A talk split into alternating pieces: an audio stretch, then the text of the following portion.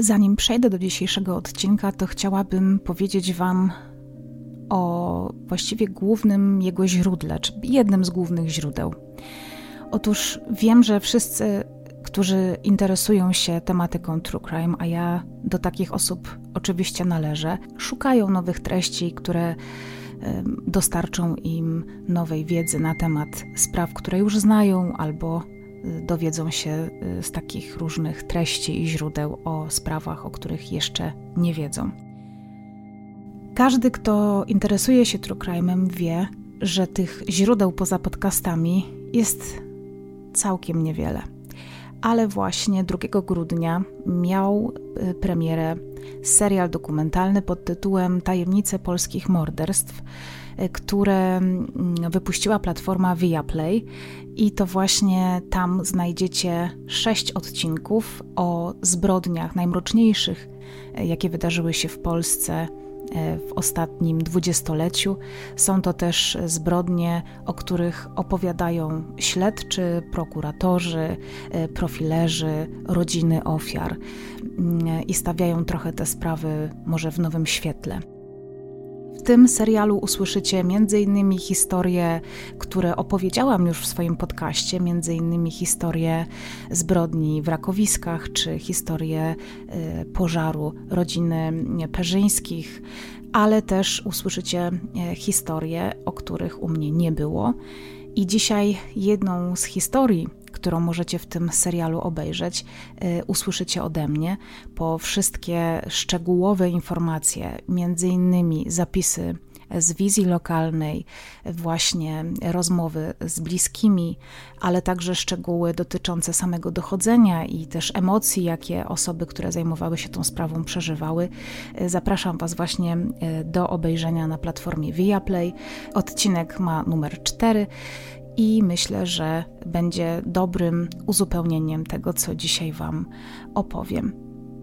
Zatem zapraszam do wysłuchania dzisiejszego odcinka o zabójstwie rodziny Sobańskich, a sponsorem i partnerem dzisiejszego odcinka jest Viaplay, platforma, która Cię rozumie.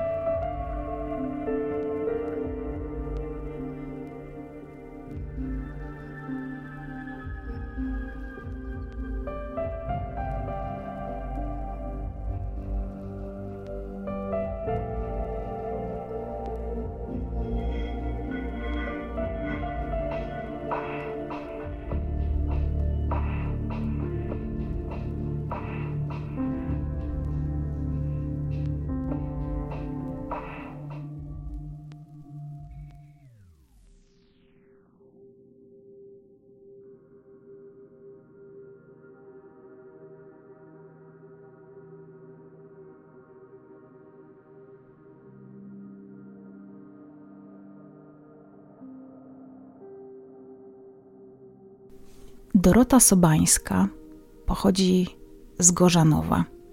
To miejscowość w województwie dolnośląskim. To wieś położona w pobliżu Bystrzycy Kłodzkiej. Tam spędza swoje dzieciństwo i nastoletnie lata ze swoją siostrą Jolantą oraz mamą. Nie mam informacji na temat ojca Doroty, ale cała rodzina jest mocno zżyta. Przede wszystkim Dorota ma bardzo dobry kontakt ze swoją siostrą, ale taki najlepszy ma ze swoją mamą. Nawet ich relacja przez najbliższych określana jest jako wręcz telepatyczna. W 1985 roku, kiedy Dorota ma 19 lat, wyprowadza się z rodzinnego domu z Gorzanowa do Gliwic Gliwice to z kolei miasto, które leży na Górnym Śląsku.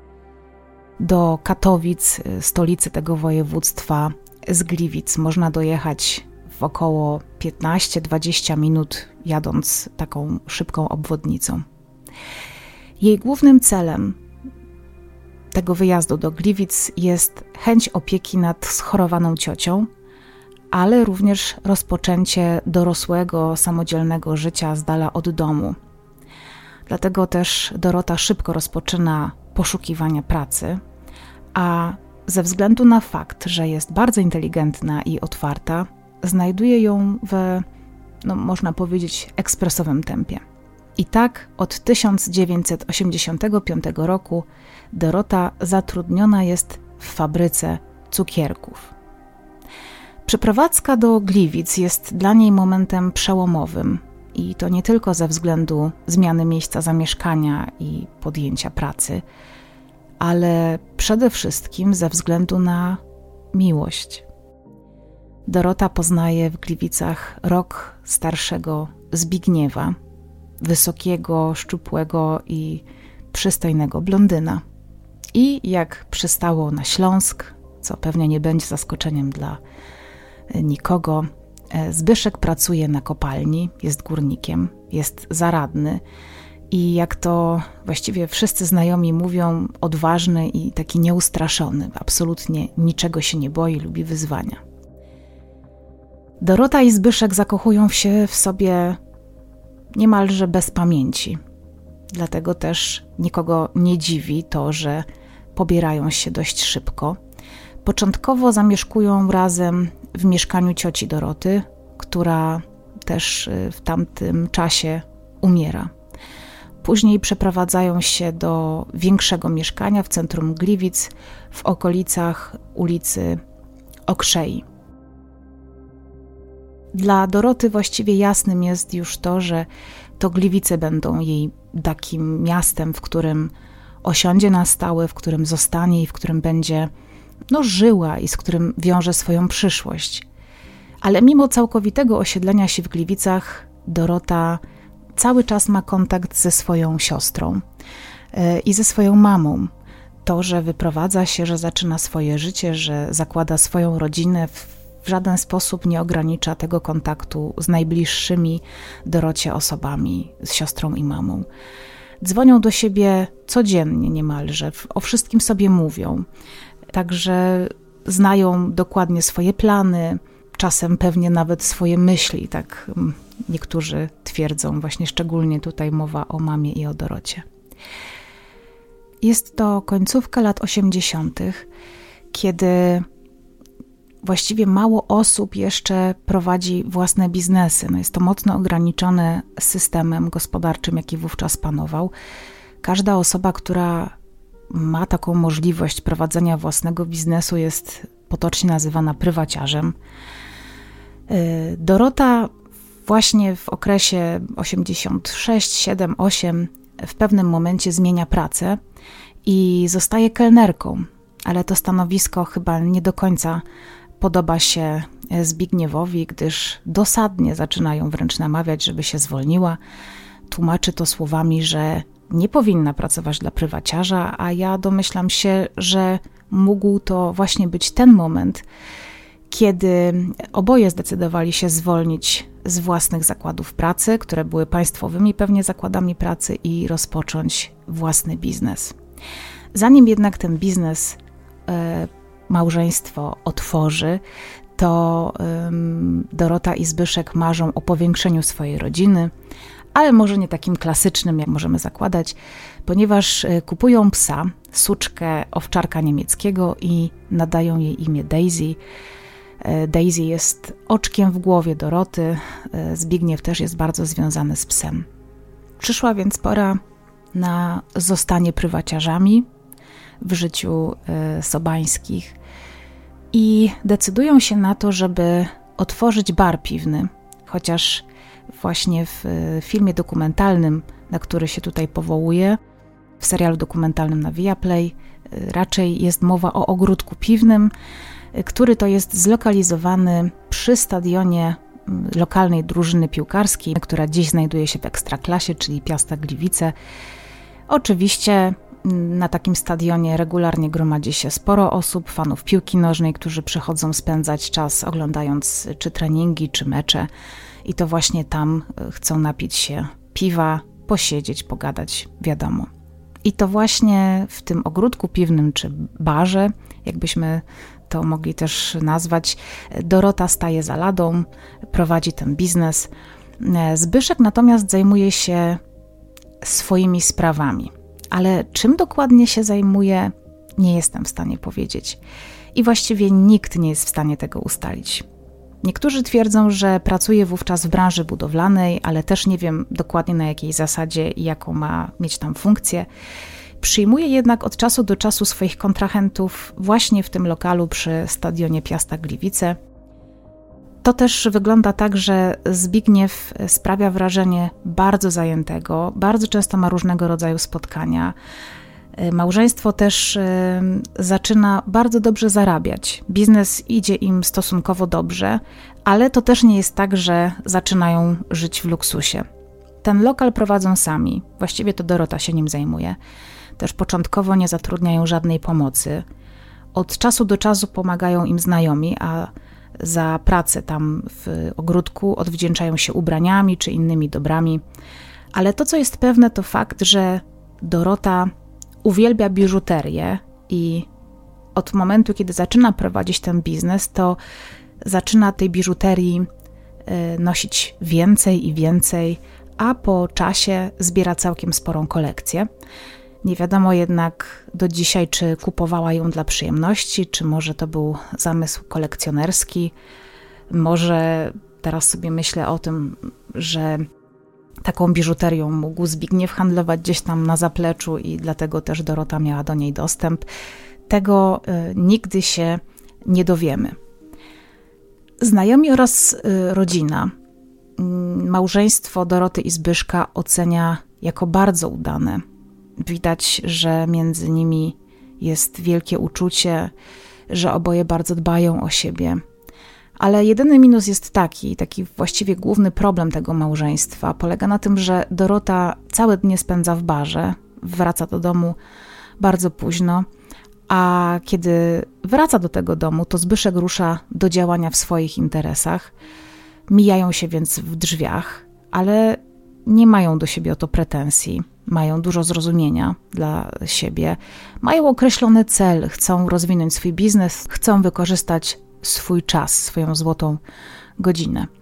Zdarzają się momenty, kiedy spotykają się razem w domu i ze swoim ukochanym psem spędzają czas, i to jest taki ich ulubiony moment w codzienności.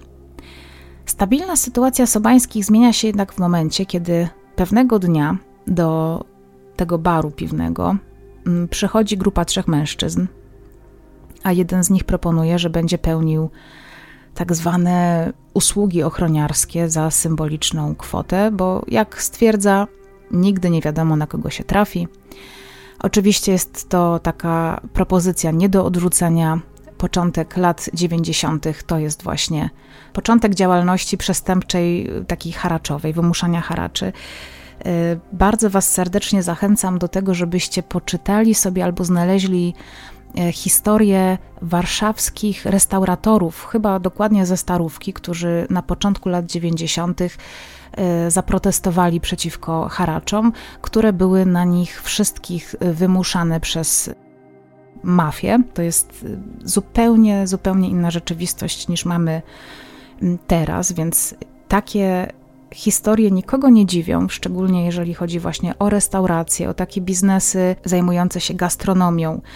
Y, to były takie miejsca, w których najczęściej o te haracze proszono. Dorota lekko wystraszona jest, y, ale stwierdza, że nie potrzebuje pomocy, jest asertywna, że sama sobie poradzi i grzecznie tych mężczyzn wyprasza. Ale po krótkim czasie od tego wydarzenia, pewnej nocy ktoś demoluje ich bar. Sobańscy są załamani, bo nie mają pieniędzy na remont lokalu. Mają już kilka pożyczek wziętych na rozkręcenie tego biznesu i absolutnie nie wiedzą, co mają robić i do kogo udać się po pomoc. Boją się, że będą zmuszeni zamknąć bar. Przenieśmy się teraz do 2001 roku, dokładnie do września 26, kiedy to do Gliwic przyjeżdża Jolanta, siostra Doroty.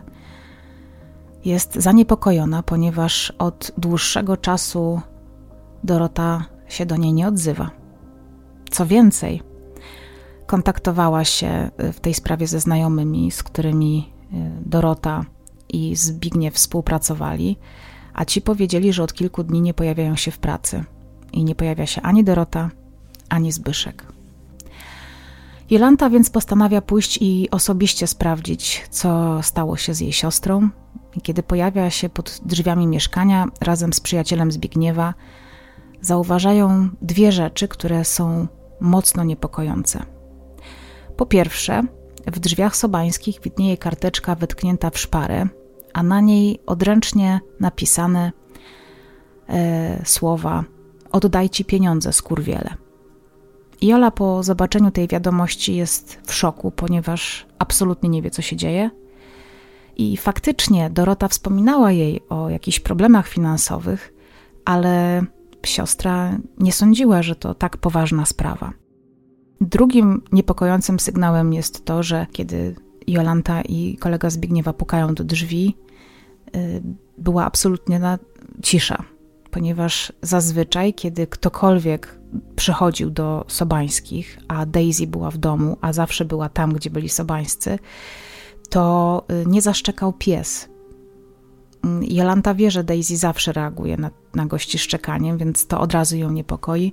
Postanawiają y, ze znajomym Zbigniewa za wszelką cenę dostać się do mieszkania, więc y, przychodzi im taki pomysł do głowy, że wejdą do tego mieszkania od podwórza, może przez okno uda im się do tego mieszkania dostać, e, ponieważ e, małżeństwo mieszkało na parterze. Zakładają, że będą musieli to okno wybić, jakoś się dostać niestandardowo, ale kiedy e, podchodzą pod mieszkanie, pod okna mieszkania Doroty i Zbigniewa, zauważają, że kuchenne okno jest lekko uchylone i to właśnie przez to okno wchodzą do mieszkania. A w tym mieszkaniu Pierwsze, co ich ogarnia, to przeraźliwy smród. Nie są w stanie określić, co może powodować taki fetor. E, no jeżeli małżeństwa nie ma, no to może coś zepsuło się, jakieś mięso w koszu na śmieci, może lodówka, e, więc postanawiają w pierwszej kolejności znaleźć źródło tego e, zapachu. Wtedy też, kiedy zaczynają się rozglądać po mieszkaniu, zauważają, że panuje w nim lekki bałagan – znajdują pustą torebkę Doroty, powyciągane dokumenty z szafek, ubrania, które są położone w zupełnie dziwnych miejscach. I po kilku minutach oględzin tego mieszkania y, oboje wchodzą do łazienki i znajdują y, coś przeraźliwego. Na podłodze w kałuży krwi leży Daisy, która nie żyje. Widać, że nie zmarła sama, te drzwi są zamknięte, jest krew, ma skręcony kark. Jolantę wówczas ogarnia przerażenie. Wie wtedy i dociera do niej, że musiało stać się coś strasznego. Dlatego od razu udaje się na komisariat policji i zgłasza zaginięcie siostry i swojego szwagra. Policja dość szybko pojawia się na miejscu. Oczywiście w pierwszej kolejności zabezpiecza ciało psa, i oddaje do badań, chcąc ustalić przyczynę e, śmierci zwierzęcia. Oczywiście zabezpieczają również kartkę e, z drzwi, ale też w mieszkaniu odnajdują kartkę odręcznie napisaną e, przez Dorotę, co udaje się później potwierdzić podczas ekspertyzy grafologicznej. Na kartce datowanej na 14 września jest krótka informacja – pojechałam do Gorzanowa, Dorota. Sprawa jest bardzo zaskakująca, ponieważ do śledczych w ekspresowym tempie dochodzi wiadomość, że po pierwsze mm, ta kartka jest nieprawdziwa, ponieważ y, na miejscu znajduje się Jolanta, która przecież mieszka w tym Gorzanowie i gdyby Dorota się w nim pojawiła, to na pewno Jolanta by o tym wiedziała.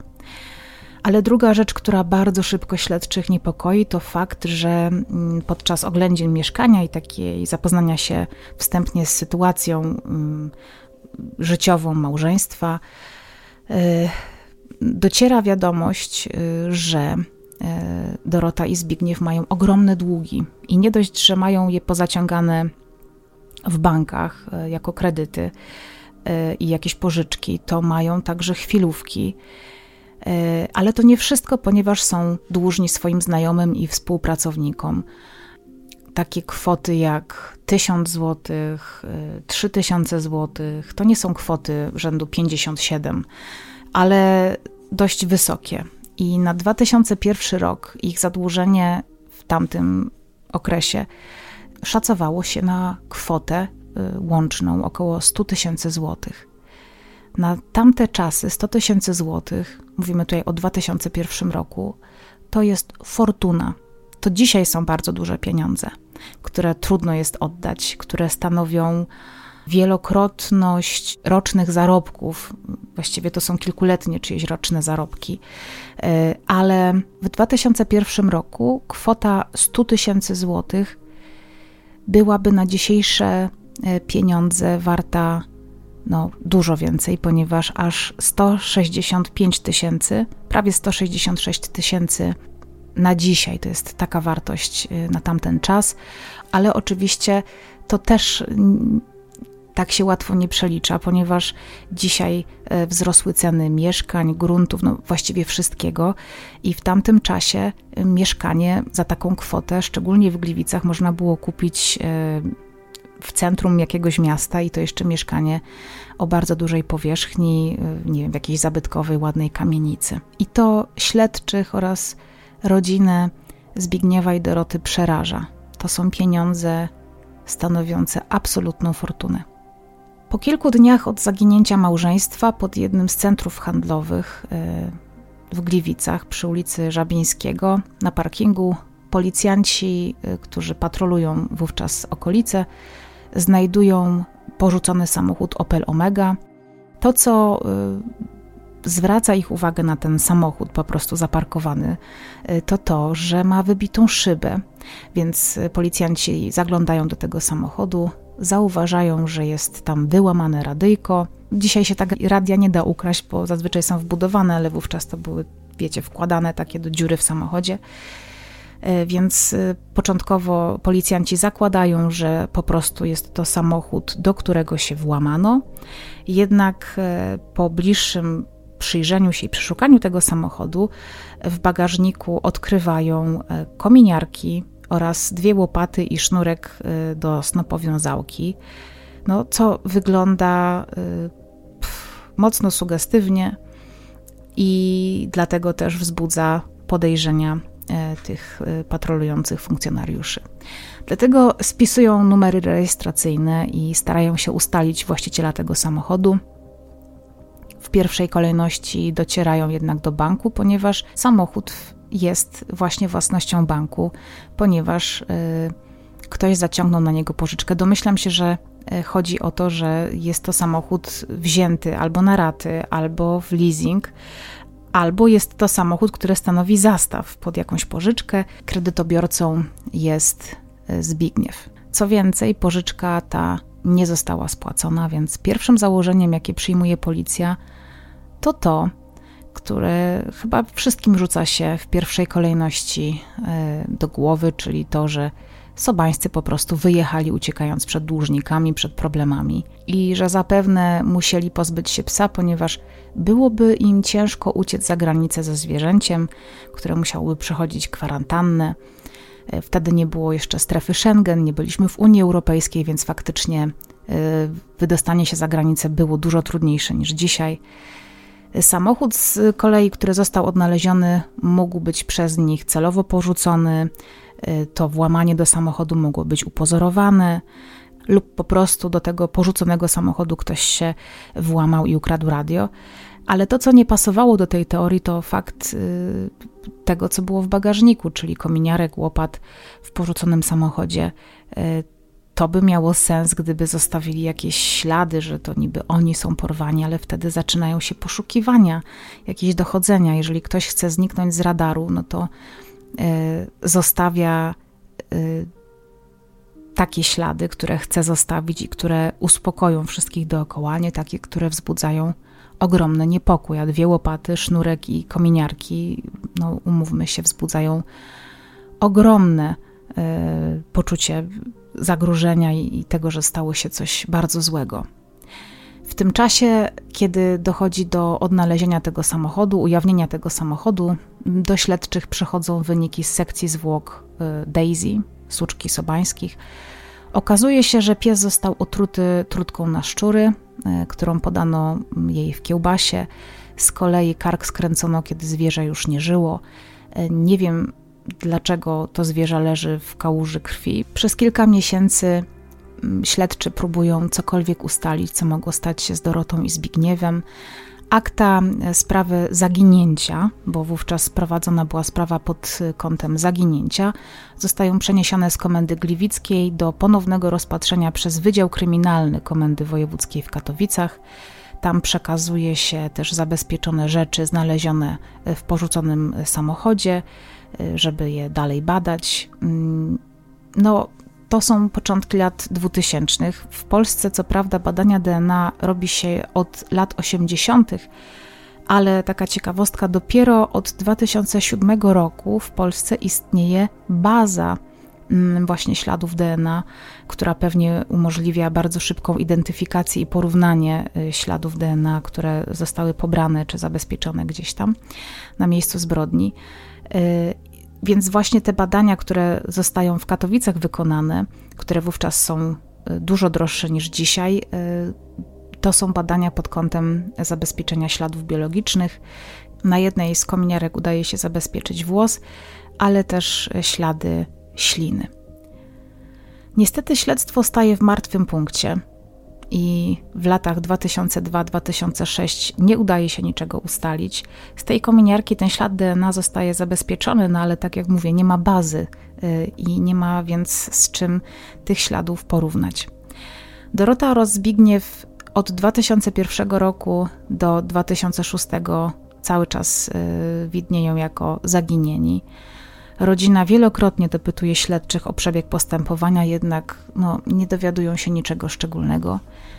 Ale w międzyczasie na policję zgłasza się mężczyzna, który rzekomo widzi zaginionych na dworcu w jednym z włoskich miast. I ten mężczyzna y, zeznaje, że człowiek, którego on widział, który przypomina mu Zbigniewa, zwracał się do jakiejś kobiety i właśnie mówił do niej Dorota. Y, do tego ta kobieta miała być straszliwie zaniedbana, co miałoby świadczyć o tym, że y, prowadzą we Włoszech raczej takie życie niemalże koczownicze, czy mm, y, może są w kryzysie bezdomności. Ten trop zostaje szybko sprawdzony i okazuje się być tropem fałszywym. Niestety. Pięć lat po zaginięciu Sobańskich, cały czas mówimy o 2006 roku, trzeba coś zrobić z ich e, rzeczami, które mają, z ich własnością. Tej własności jednak nie mają zbyt wiele, ponieważ mieszkanie, w którym e, mieszkali przed zaginięciem, to na ulicy Okrzei, czy tam w okolicach ulicy Okrzei, nie jest ich własnościowym mieszkaniem, tylko e, jest mieszkaniem od miasta. Oznacza to więc, że gdyby Dorota i Zbigniew się nagle odnaleźli, no to już e, nie mają dokąd wracać. W tym czasie też banki oraz inne instytucje finansowe zaczęły upominać się o spłatę zaciągniętych pożyczek. No podejrzewam, że dzieje się to dużo wcześniej, ale wówczas prawdopodobnie to już nie są jakieś polubowne prośby czy delikatna windykacja, ale też e, pewnie e, już komornicze wyroki a te długi są na tyle wysokie, że w 2009 roku, czyli 8 lat od zaginięcia, y, za Zbigniewem Sobańskim zostaje wydany list gończy. Y, podejrzewam, że w oparciu o artykuł o wyłudzenie pieniędzy. Przez wiele lat sprawa zaginięcia Doroty i Zbigniewa pozostaje niewyjaśniona. Natomiast pojawia się kilkakrotnie w telewizji. Pierwszy raz odcinek na temat ich zaginięcia zostaje wyemitowany dwa lata po nim, czyli w 2003 roku w programie e, magazynu kryminalnego 997, drugi raz z kolei w 2008 roku w programie Fajbusiewicz na tropie i to właśnie w tym roku w sprawie zaginięcia pojawia się nowy trop. Odcinki 997 prowadzone jeszcze wówczas przez Michała Fajbusiewicza cieszą się ogromnym zainteresowaniem. Na tamten czas jest to najstarszy program telewizyjny ukazujący prawdziwe historie kryminalne z drastycznymi inscenizacjami. I tak, mówię to z całą odpowiedzialnością, ponieważ mówimy tutaj o latach 2003, 2006, 2008, a wówczas y, telewizyjne biuro śledcze, które również było powiedzmy konkurencyjnym programem o tej samej tematyce, tylko lecącym i emitowanym przez Polsat, było emitowane w latach 97-2003. I ten program, mówię tutaj o 997, cieszy się zainteresowaniem nie tylko u zwykłych ludzi, którzy być może szukają w nim takich historii, no jakich my szukamy, albo wy, którzy słuchacie tego podcastu, a ja, która oglądam też wszystkie programy, żeby te historie później opowiadać, więc absolutnie rozumiem to zainteresowanie. Ale nigdy nie pomyślałam o tym, że drugą bardzo sporą grupą osób, które te programy namiętnie oglądają i które E, te programy kochają, ale z zupełnie innych względów, to są przestępcy, głównie osadzeni w zakładach karnych czy aresztach.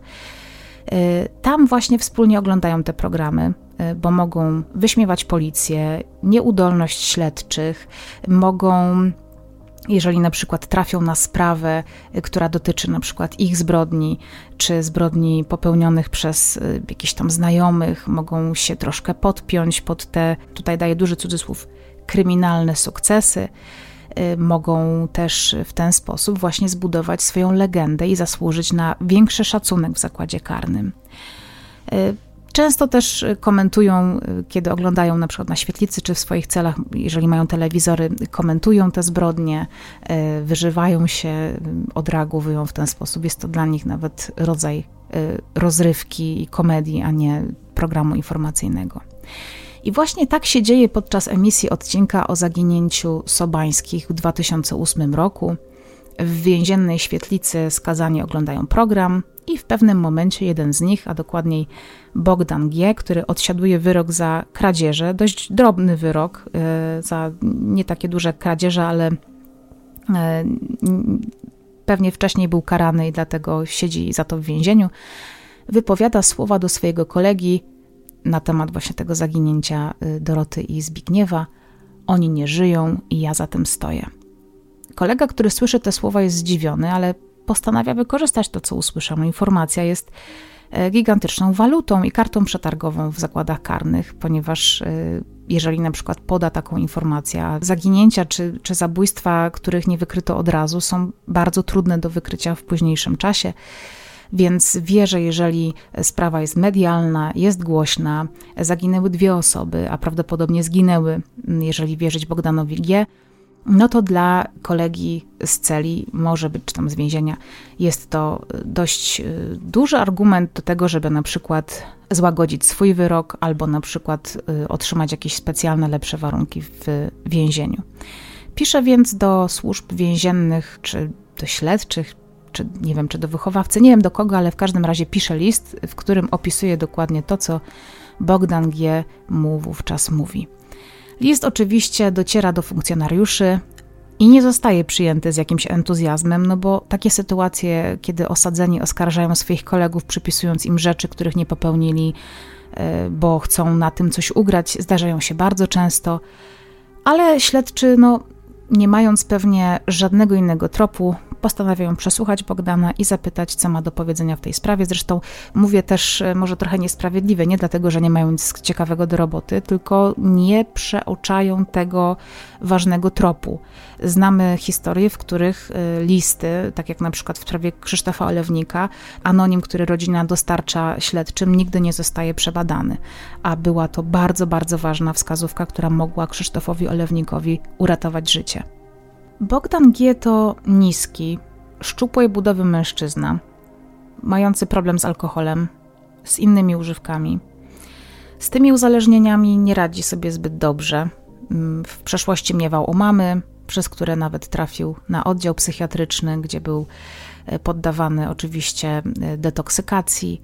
Został skazany za drobne kradzieże. Tak jak powiedziałam, podejrzewam, że mógł nawet tych kradzieży dokonywać pod wpływem środków albo też po to, żeby je pozyskać. E, no, nauk rządzi człowiekiem i, i często doprowadza go do sytuacji, w których zaczyna mieć konflikt z prawem. Podczas przesłuchania Bogdan mówi śledczym, że faktycznie wypowiedział takie słowa do kolegi podczas emisji programu 997 ale przyznaje, że zrobił to tylko dlatego, żeby być bardziej szanowanym wśród współosadzonych. no bo w więzieniu największym szacunkiem cieszą się ci, którzy odsiadują wyrok za zabójstwa, za rozboje. Poważna zbrodnia to poważne traktowanie. Oczywiście są zbrodnie, których się absolutnie w więzieniu nie toleruje, no ale zabójstwo wzbudza respekt. Nic jednak nie dzieje się w tej sprawie do 2014 roku, kiedy to zaginięcie e, Sobańskich trafia z Wydziału Kryminalnego Komendy Wojewódzkiej w Katowicach do Wydziału Specjalnego Archiwum X, który ponownie analizuje akta sprawy. E, wtedy ma już możliwość wykorzystywania najnowocześniejszych technik badań kryminalistycznych, bo na tamtą chwilę istnieje przecież już możliwość porównywania materiałów genetycznych, więc wówczas do bazy zostają wprowadzone zabezpieczone materiały genetyczne pobrane z kominiarki. Ale na tamten czas jedyną osobą, y, która podejrzana jest y, o jakikolwiek związek z tą sprawą, to Bogdan G. Dlatego też y, zostaje od niego pobrana y, próbka DNA i po czasie, kiedy przychodzą wyniki, to jednoznacznie wskazują na to, że DNA jest zgodne z tym zabezpieczonym na kominiarce, DNA oczywiście Bogdana. Dlatego mężczyzna zostaje ponownie przesłuchany i wtedy podczas rozmowy stwierdza, że jest niewinny, ale mówi też y, takie zdanie: Ja nikogo nie zabiłem. Najprawdopodobniej Bogdan, wypowiadając te słowa, jest absolutnie nieświadomy tego, że właśnie w sumie strzela sobie w kolano, ponieważ ani razu śledczy w jego obecności nie mówili o zabójstwie, ale o zaginięciu. Wciąż przecież y, sobańscy byli y, uważani za zaginionych. Prawdopodobnie wtedy Bogdan konfrontowany jest y, z tym właśnie, co zrobił i po chwili przyznaje się do uprowadzenia Zbigniewa i Doroty.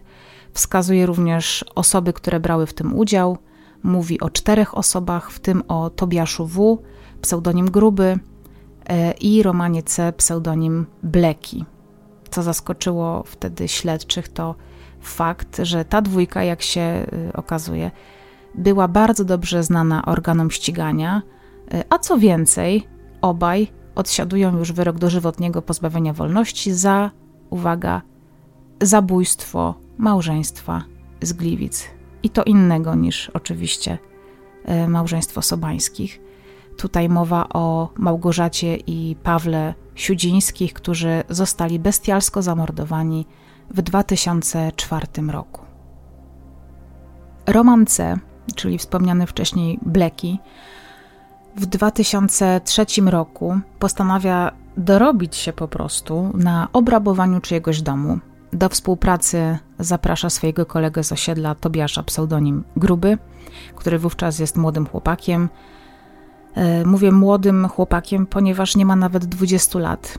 Mm, jednak jest alkoholikiem, e, ma też bardzo duży problem z narkotykami, więc jest też osobą, którą można bardzo łatwo manipulować i wykorzystać do swoich e, celów. Tenże gruby ma silną relację ze swoim młodszym o kilka lat bratem, którego na osiedlu nazywają Serek. Tobiasz zresztą chce, by jego brat poradził sobie w życiu. Stąd bierze go jako pomocnika do rabunku. To taka jest, mnie to zawsze szokuje i dziwi. To podejście do życia przestępców, że za spryt i ustawienie się w życiu, za y, zapewnienie sobie dobrej przyszłości jest wejście w y, absolutne popełnianie przestępstw, w świat kryminalny, w rozboje, w kradzieże. No, w każdym razie w takim środowisku Tobiasz i jego brat się wychowują. E, w takim też środowisku Roman C funkcjonuje. Wszyscy we trójkę postanawiają wykonać plan Blekiego, czyli Romana C. Roman obserwuje okolice, e, zauważa dom w Łabędach, to jest dzielnica Gliwic, który ma świeżo wymienione okna na plastikowe, a na podjeździe stoją dwa zaparkowane samochody i to jeszcze takie całkiem nowe.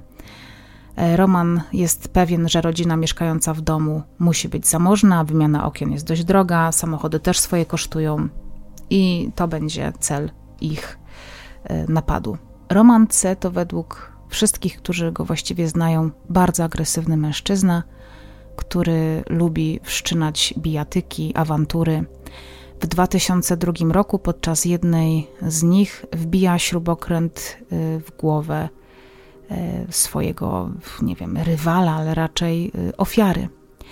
Zapada nawet wyrok w tej sprawie, jednak dostaje ten wyrok Bleki w zawieszeniu, ponieważ pochodzi z dobrego domu, ale jego mama sobie z nim nie radzi.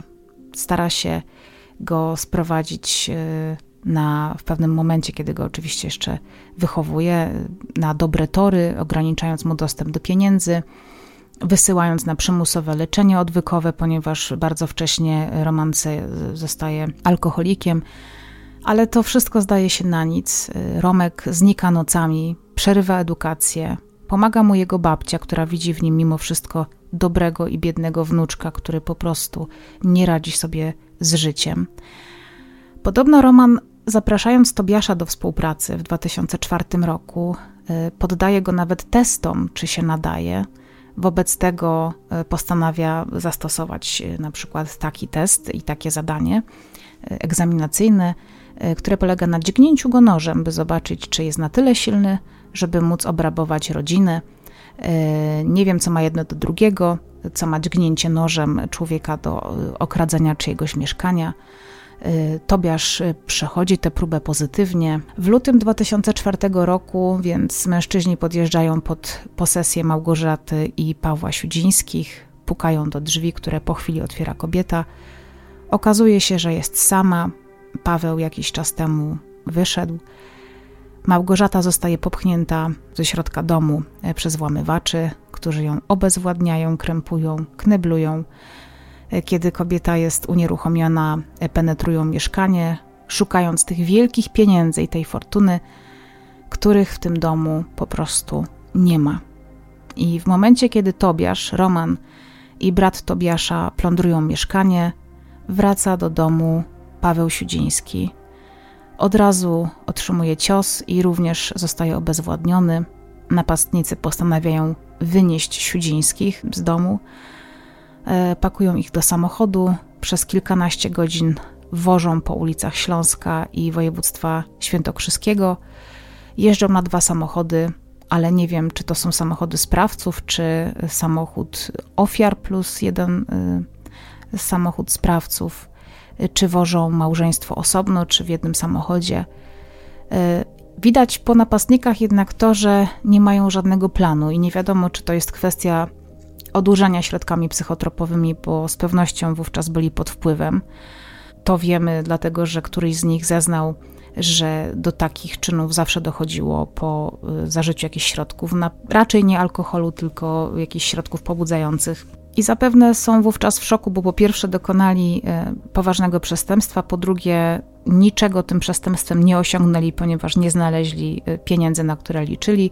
Po trzecie, no, zabrali ze sobą zakładników. To, to jest sytuacja, w której no, trudno się chyba odnaleźć, co się w takiej sytuacji robi. Kiedy dojeżdżają do miejscowości Zbeltowice, e, krążą przez jakiś czas po e, okolicy tych Zbeltowic, zostają wówczas zauważeni przez mieszkańców, ale nikt nie decyduje się na wezwanie patrolu. No to są obcy ludzie, miejscowość jest mała, Y, być może zachowują się jakoś niespokojnie, nie wiem, za dużo tam krążą, no to są sytuacje, które dziwią. Po krótkim czasie dochodzi wtedy do nieoczekiwanego zwrotu akcji, ponieważ jeden z samochodów, y, którym y, kierują mężczyźni, wpada do rowu i pojazd dachuje. Wszystkim udaje się wydostać z samochodu, ale niestety Małgorzacie wtedy spada opaska z oczu i zauważa twarze napastników którzy wówczas y, wiedzą już, że muszą podjąć y, poważniejsze kroki. Y, I Roman wraz z Tobiaszem szybko uciekają z miejsca wypadku. Kobietę z kolei biorą ze sobą, prowadzą na polanę. Tam zarzucają jej na szyję pętle i duszą ją. Na to samo miejsce po chwili przyprowadzają męża Małgorzaty, który na widok swojej żony Y, która już nie żyje, zaczyna płakać, rzuca się do jej ciała, przytula, szlocha. Otrzymuje wówczas Paweł Siudziński serię ciosów, które powodują, że no, nie jest w stanie się bronić. Roman z pomocnikami zabierają ciała małżeństwa do bagażnika drugiego samochodu i wywożą ich do lasu w miejscowości Filipowice w województwie małopolskim. Tam porzucają ciało kobiety, a y, mężczyznę przywiązują sznurem do drzewa. I kiedy to robią, to Paweł Siudziński jeszcze żyje, ponieważ jego ciało kilka dni później znaleziono kilkaset metrów od miejsca, w którym został przywiązany do drzewa, a to oznacza, że udało mu się wyswobodzić z więzów, próbował uciec i szukać pomocy, ale nie starczyło mu pewnie po prostu sił. Na sprawców zabójstwa szybko trafili funkcjonariusze poprzez porzucony samochód, który miał wypadek. Mm, trudno nie zauważyć y, dachującego samochodu, leżącego na dachu samochodu w rowie w małej miejscowości. Zostają przesłuchani mieszkańcy z Beltowic, którzy twierdzili, e, że widzieli mężczyzn w tym samochodzie oraz pasażerów z opaskami na oczach. E, I to jest w ogóle sytuacja, w której e, zapalają mi się wszelkie totalne znaki zapytania. Czy to jest normalne, że widzi się osoby gdziekolwiek, które mają opaski na oczach, które mm, jadą z innymi osobami, które tych opasek nie mają? Czy to jest naprawdę sytuacja, w której dla świętego spokoju nie reagujemy, nie wzywamy patrolu, nie wzywamy policji. W 2005 roku zapada wyrok skazujący Romana C. oraz Tobiasza W. na karę dożywotniego pozbawienia wolności. Brat Tobiasza W., y, czyli ten Serek, który w chwili popełnienia zbrodni miał zaledwie 16 y, lat, Otrzymał wówczas wyrok 6 lat pozbawienia wolności. I tutaj zaznaczam, że w jednym ze źródeł, czy w kilku źródłach przeczytałam, że podobno w tym samym rabunku i zabójstwie małżeństwa Siudzińskich miało uczestniczyć jeszcze dwóch mężczyzn, Mariusz S. i Szymon B., także Gliwiczan, którzy zresztą zostali skazani na 9 lat pozbawienia wolności w tej samej sprawie, ale nie znam dokładnie e, ich udziału. Ten wyrok jest dużo niższy. Wracając jednak do sprawy zaginięcia e, Doroty i Zbigniewa Sobańskich, to według zeznań Bogdana G., mm, czyli tego więźnia, który zaczął się chwalić przy 997, śledczy udają się do Romana C., który nie przyznaje się do popełnienia żadnej zbrodni. Twierdzi, że z tą sprawą nie ma nic wspólnego. Ale kiedy ci sami śledczy idą do Tobiasza W., mm, zupełnie wszystko inaczej przebiega. Tobiasz W. na widok funkcjonariuszy Wydziału Kryminalnego stwierdza, że cieszy się, że w końcu do niego przyszli, dodając, że e, też, że szkoda, że przychodzą tak późno, e, ponieważ on już od długiego czasu chciał złożyć zeznania i opowiada wówczas cały przebieg wydarzeń z 13 września 2001 roku. To wówczas o godzinie 23 do kamienicy y, przy ulicy Okrzej, w której mieszkają Dorota i Zbigniew, wchodzi kilku zamaskowanych mężczyzn. Wśród nich jest Bogdan G., Roman C. oraz Tobiasz W. Mężczyźni zapomnieli wziąć ze sobą kije baseballowe, więc po drodze do mieszkania Doroty i Zbigniewa wyłamują nogi od krzesła – Y, nie wiem, czy to jest krzesło z mieszkania któregoś z nich, czy znajdują jakieś porzucone krzesło na śmietniku, nie mam pojęcia. Na klatce schodowej wyłączają zasilanie prądu. Wówczas y, bardzo wiele mieszkań, y, do tej pory chyba też tak jest, mają korki na zewnątrz, na korytarzu. Dzisiaj to chyba są tylko liczniki. To sprawia też, że po pierwsze ciemno jest w mieszkaniu Sobańskich, ale też ciemno jest na klatce. Pukają do drzwi mieszkania małżeństwa, które otwiera Dorota, podobnie jak trzy lata później otworzy je Małgorzata Siudzińska. Wtedy jeden z nich e, zastawia nogą drzwi, blokuje tak, żeby e, kobieta nie mogła ich zamknąć. Mężczyźni wszyscy wchodzą do środka siłą. Dorotę od razu uderzają kijem. Z pokoju wówczas wybiega przerażony Zbigniew, krzycząc bardzo głośno: Co jest kurwa? ale jego również zaczynają y, wszyscy mężczyźni, y, mówię tutaj o napastnikach oczywiście, bić. Y, para zostaje szybko obezwładniona i skrępowana. Roman C. zajmuje się uciszaniem małżeństwa, zapewniając, że jak będą cicho, to nic się im nie stanie, ponieważ szukają tylko i wyłącznie pieniędzy. Wówczas akcję przejmuje Piotr S., pseudonim Pyjo, który również jest w towarzystwie Bogdana Romana i Tobiasza. Udaje się do kuchni, otwiera lodówkę, bierze kiełbasę, którą zaczyna jeść.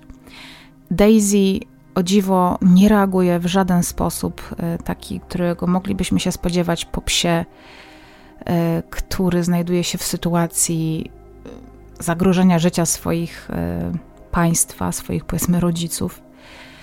Daisy chce się bawić, biega po całym domu, dlatego Pyjo bierze Daisy do łazienki i tam karmi kiełbasą, która jednak jest strutką na szczury. Na końcu skręca jej kark. Pozostali napastnicy w tym czasie cały czas plądrują mieszkanie, szukają drogocennych rzeczy i żądają od Sobańskich spłaty długu.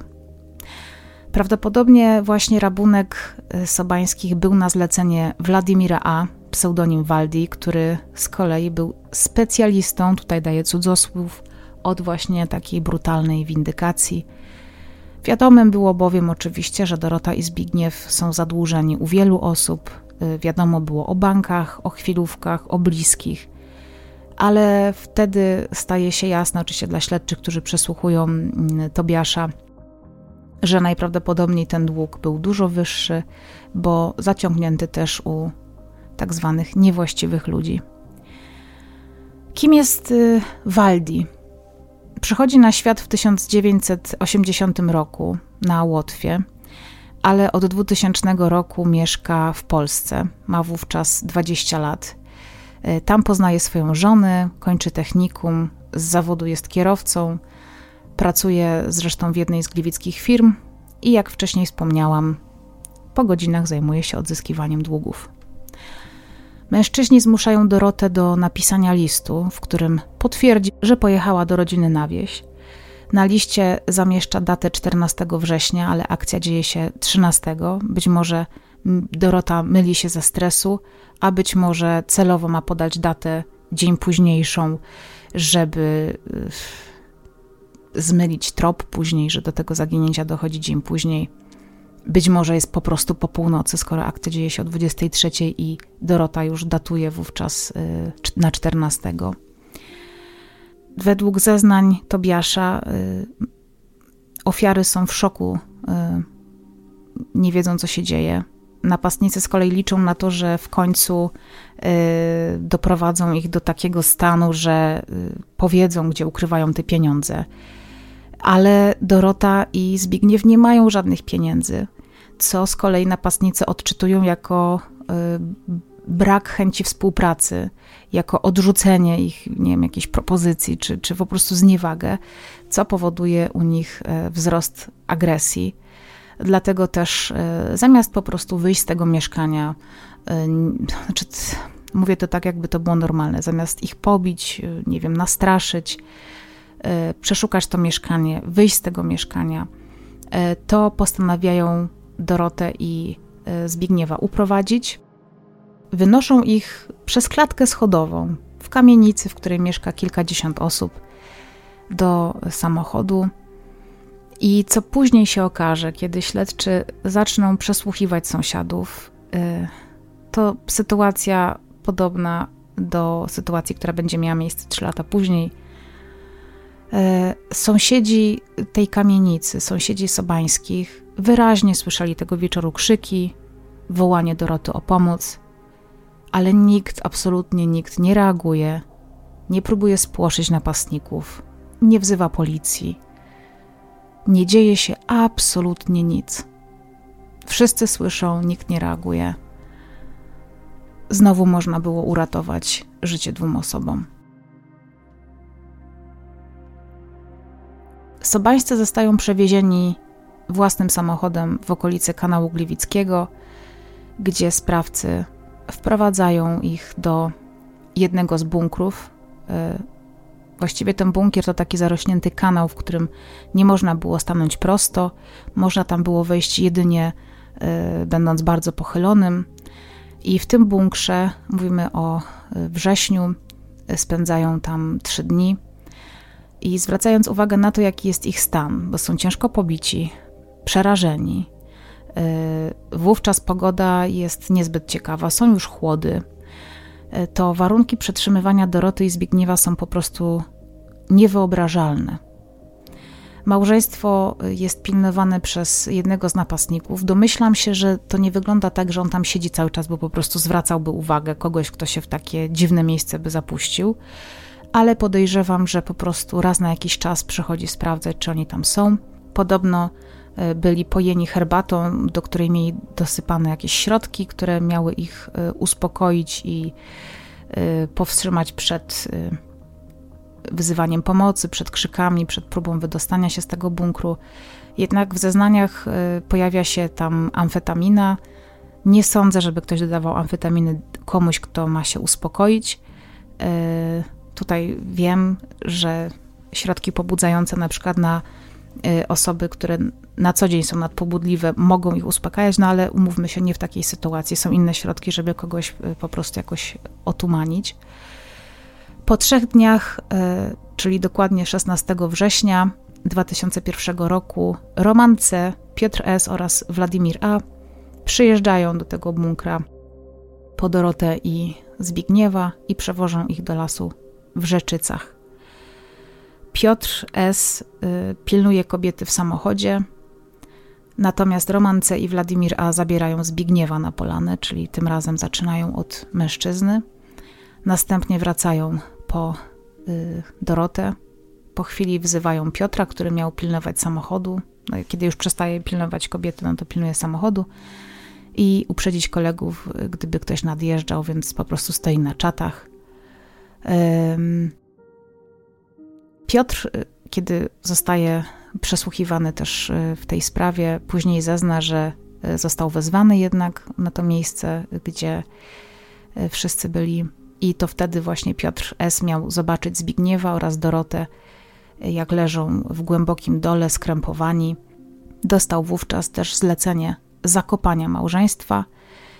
Zbigniew w tym dole leży skatowany. Dorocie z kolei wypchnięto do gardła rękawiczkę, zaklejono usta taśmą. E, być może myślicie o tym, że e, Dorota i Zbigniew nie żyli w momencie, w którym Piotr S. miał ich zakopać. Jednak to jest nieprawda. Oboje żyli. Nie wiadomo, czy byli świadomi. Dorota pewnie tak. Zbigniew być może był nieprzytomny, bo był bardzo ciężko pobity. E, Piotr S. zakopuje ciała, przykrywając je jeszcze śmieciami, piachem, płytami eternitowymi. Tam też w ogóle było dużo śmieci i stwierdzają, że to jest bardzo bezpieczna kryjówka, ponieważ nawet jeśli ktoś w przyszłości chciałby kopać w tym miejscu, to jeśli natknie się na takie płyty, to po prostu zrezygnuje z dalszego kopania. To świadczy o tym, że to po prostu jest jakieś wysypisko dzikie, eternit w ogóle jest trujący. I wtedy taka osoba po prostu nie będzie dalej drążyć, dosłownie. Przestępcy ustalają między sobą, że podzielą się chociaż zyskiem z samochodu, z tego Opla, ale ubiega ich złodziej, który ten samochód demoluje i okrada. Wtedy zabójcy stwierdzają, że po prostu są zmuszeni ten samochód porzucić, ponieważ na pewno zacznie się tym samochodem interesować policja. Obszerne zeznania składają zarówno Tobiasz, jak i Piotr S., który skonfrontowany z zeznaniami kolegi też otwiera usta. I to właśnie dzięki nim udało się ustalić przebieg wydarzeń. E, dzięki zeznaniom Piotra S. udało się odnaleźć zwłoki. Po 15 latach od e, zabójstwa i od pochowania tam, zakopania ciał, e, teren ten wygląda zupełnie inaczej, więc Piotr S. w momencie, w którym zostaje zabrany tam przez śledczych i kiedy został poproszony, zostaje poproszony o wskazanie tego miejsca, ma z tym problem, ponieważ faktycznie e, jest to zupełnie już inne miejsce, zarośnięte, e, no, natura robi swoje. I wyobraźcie sobie, że znalezienie tego miejsca, w którym ciała Doroty i Zbigniewa spoczywają, zajęły ponad dwa lata. To było określanie całego dużego obszaru, gdzie te zwłoki mogły zostać ukryte. Analizowano mapy, porównywano zdjęcia, jakieś elementy stałe.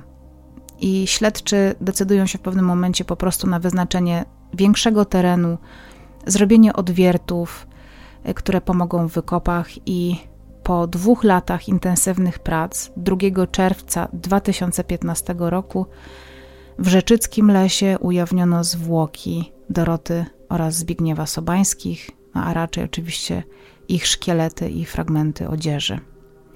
Proces y, był bardzo medialny. Na okładkach y, takich lokalnych gazet znalazły się oczywiście nagłówki o tym, że y, zakopano małżeństwo, zaginione małżeństwo żywcem.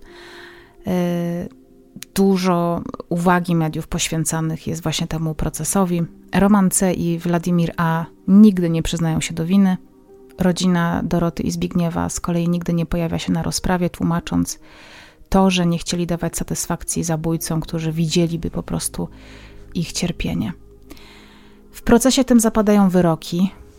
Piotr S. otrzymał wyrok 12 lat, Tobiasz W. oraz Bogdan G. 3 lata i 6 miesięcy. Władimir e, Waldi dostał dożywocie z możliwością przedterminowego zwolnienia dopiero po 35 latach, a Roman C. dożywocie z możliwością przedterminowego zwolnienia po 40 latach. Z ciekawostek, które są bardzo. Hmm, znaczy, taka ciekawostka z tych, które zaraz Wam powiem, hmm, która mnie w jakiś sposób poruszyła, ale nie wiem którym kierunku, to to, że Tobiasz W., który y, oczywiście uczestniczył w uprowadzeniu, ale y, z wyroku raczej no, nie, nie, nie dopuścił się zabójstwa, y, wytatuował sobie na ręce datę 13 września 2001 roku. Przecież to data właśnie uprowadzenia Doroty i Zbigniewa. Y, tłumaczył później, że wytatuował sobie tę datę, żeby nigdy o tym nie zapomnieć, że on nie chce o tym zapominać, ale nie wiem, czy to znaczy, że bo też właśnie to nie jest powiedziane, czy on nie chciał o tym zapomnieć, bo go to ekscytowało, czy nie chciał o tym zapomnieć, ponieważ miał ogromne wyrzuty sumienia, że doprowadził też do takiej sytuacji. Jolanta, siostra Doroty, w rozmowie z dziennikarzem TVN24, pracującym nad reportażem w tej sprawie, mówiła, że w ostatnich latach przed zaginięciem swojej siostry jej dzieci, ponieważ sobańscy nie mieli dzieci, czasem jeździły do Doroty. I raz zdarzyło się tak, że dzieci zadzwoniły do Jolanty y, z domu Doroty i, i Zbigniewa e, z prośbą, by je stamtąd zabrała, bo boją się y, o swoje bezpieczeństwo, bo do cioci i wujka non-stop ktoś przychodzi krzyczy i im grozi. Jolanta próbowała wtedy porozmawiać z Dorotą, ale ta jednak nigdy nie powiedziała prawdy.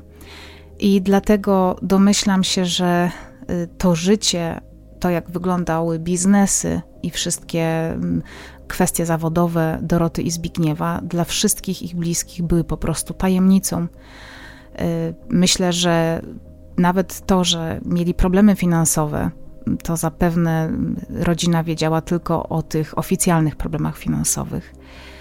Sobańscy podobno tuż przed zaginięciem z powodu braku środków finansowych i dużego zadłużenia zamknęli też swój bar. W materiale Viaplay pada informacja, że Dorota nie pracowała w ogóle, ale zajmowała się domem, tylko od czasu do czasu pomagała Zbigniewowi w prowadzeniu lokalu i to bardziej Zbyszek miał zarządzać tym biznesem, więc te informacje również są e, takie, no mówię tych, o tych medialnych, są e, różne, ale być może to jest kwestia też jakby interpretacji pewnych rzeczy, które padają gdzieś w aktach. Y, natomiast y, wiarygodne są wszystkie źródła, więc myślę, że to po prostu mogło być faktycznie tak, że Dorota była na tyle często y, w tym barze, jako barmanka, powiedzmy, że po prostu uznano, że ona pracuje tam. Po zaginięciu Sobańskich sąsiedzi słyszeli różne pogłoski na temat tego małżeństwa. Mm, twierdzono, że wyjechali do Szwecji lub Szwajcarii E, tam Zbigniew miał prowadzić jakąś firmę, a Dorota miała trudnić się w agencji towarzyskiej, no ale wiemy dobrze, że to były absolutne plotki i nieprawda. A propos tej telepatii, już tak na sam koniec, pomiędzy Dorotą a jej matką, to e, mamie Doroty w czasie poszukiwań córki i zięcia śniła się właśnie Dorota, która prosiła ją, by przyjechała do Gliwic, bo ona tam umiera. Widziała ją w snach, e, widziała ją w studniach, w jakichś cembrowniach. E, no, dość niezwykła historia.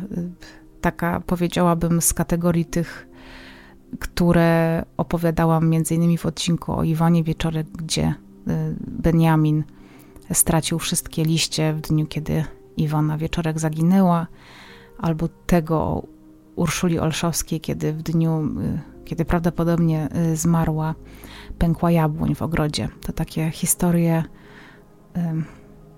no, które trudno jest wytłumaczyć, które wskazywałyby na to, że jest jakaś siła, która gdzieś tam, mm, czy energia, która się po prostu kumuluje w danym momencie. Y, zostawiam to jako taki, taki koniec, może bardziej metafizyczny, nie wiem, już filozoficzny do refleksji. Straszna zbrodnia, zupełnie niepotrzebna. Domyślam się, że do mieszkania y, sobańskich napastnicy weszli w kominiarkach, które potem przecież były dowodem w sprawie, to właśnie dzięki kominiarkom zabezpieczono ślady DNA. Mimo to postanowili odebrać życie y, osobom, które nie miały tych pieniędzy, które nie widziały napastników, nie widziały ich twarzy. Y, przecież do takiego zastraszenia y, no, mogłoby dojść i pewnie sobańscy by się mocno postarali, żeby takie pieniądze zdobyć. Podobnie jak z Siudzińskimi, prawda? To są sytuacje, które wyglądają niemal identycznie, gdzie sprawcy decydują się na napad, na rozbój, odzyskanie pieniędzy, których po prostu nie ma. Jaki jest sens w zabijaniu dłużnika? Nie mam absolutnie żadnego pojęcia. No może jest to oczywiście jakaś pokazówka dla y, innych dłużników, że tak kończą y, ludzie, którzy nie spłacają długów. Niemniej uważam, że y, absolutnie wstrząsająca historia. Takie też e, czasy, e, ten początek lat 2000, końcówka 90., te dzikie biznesy, pożyczki, mm, haracze, okropne, okropne e, klimaty, przynajmniej dla mnie. Zachęcam Was naprawdę do tego, żebyście zerknęli sobie na Viaplay, na platformę. Tam właśnie znajdziecie serial Tajemnice Polskich Morderstw. Jest tam sześć odcinków które będziecie mogli sobie obejrzeć. Co ważne w ogóle, odcinki są świetnie zrealizowane i mają e, ponad 40 minut, około tam 42 minut, więc e, myślę, że to Was bardzo ucieszy, ponieważ większość tego typu materiałów e, oscyluje w okolicach 20 minut. Myślę, że to Was ucieszy, ponieważ jest dużo, dużo treści i dużo szczegółów. Zachęcam Was bardzo serdecznie.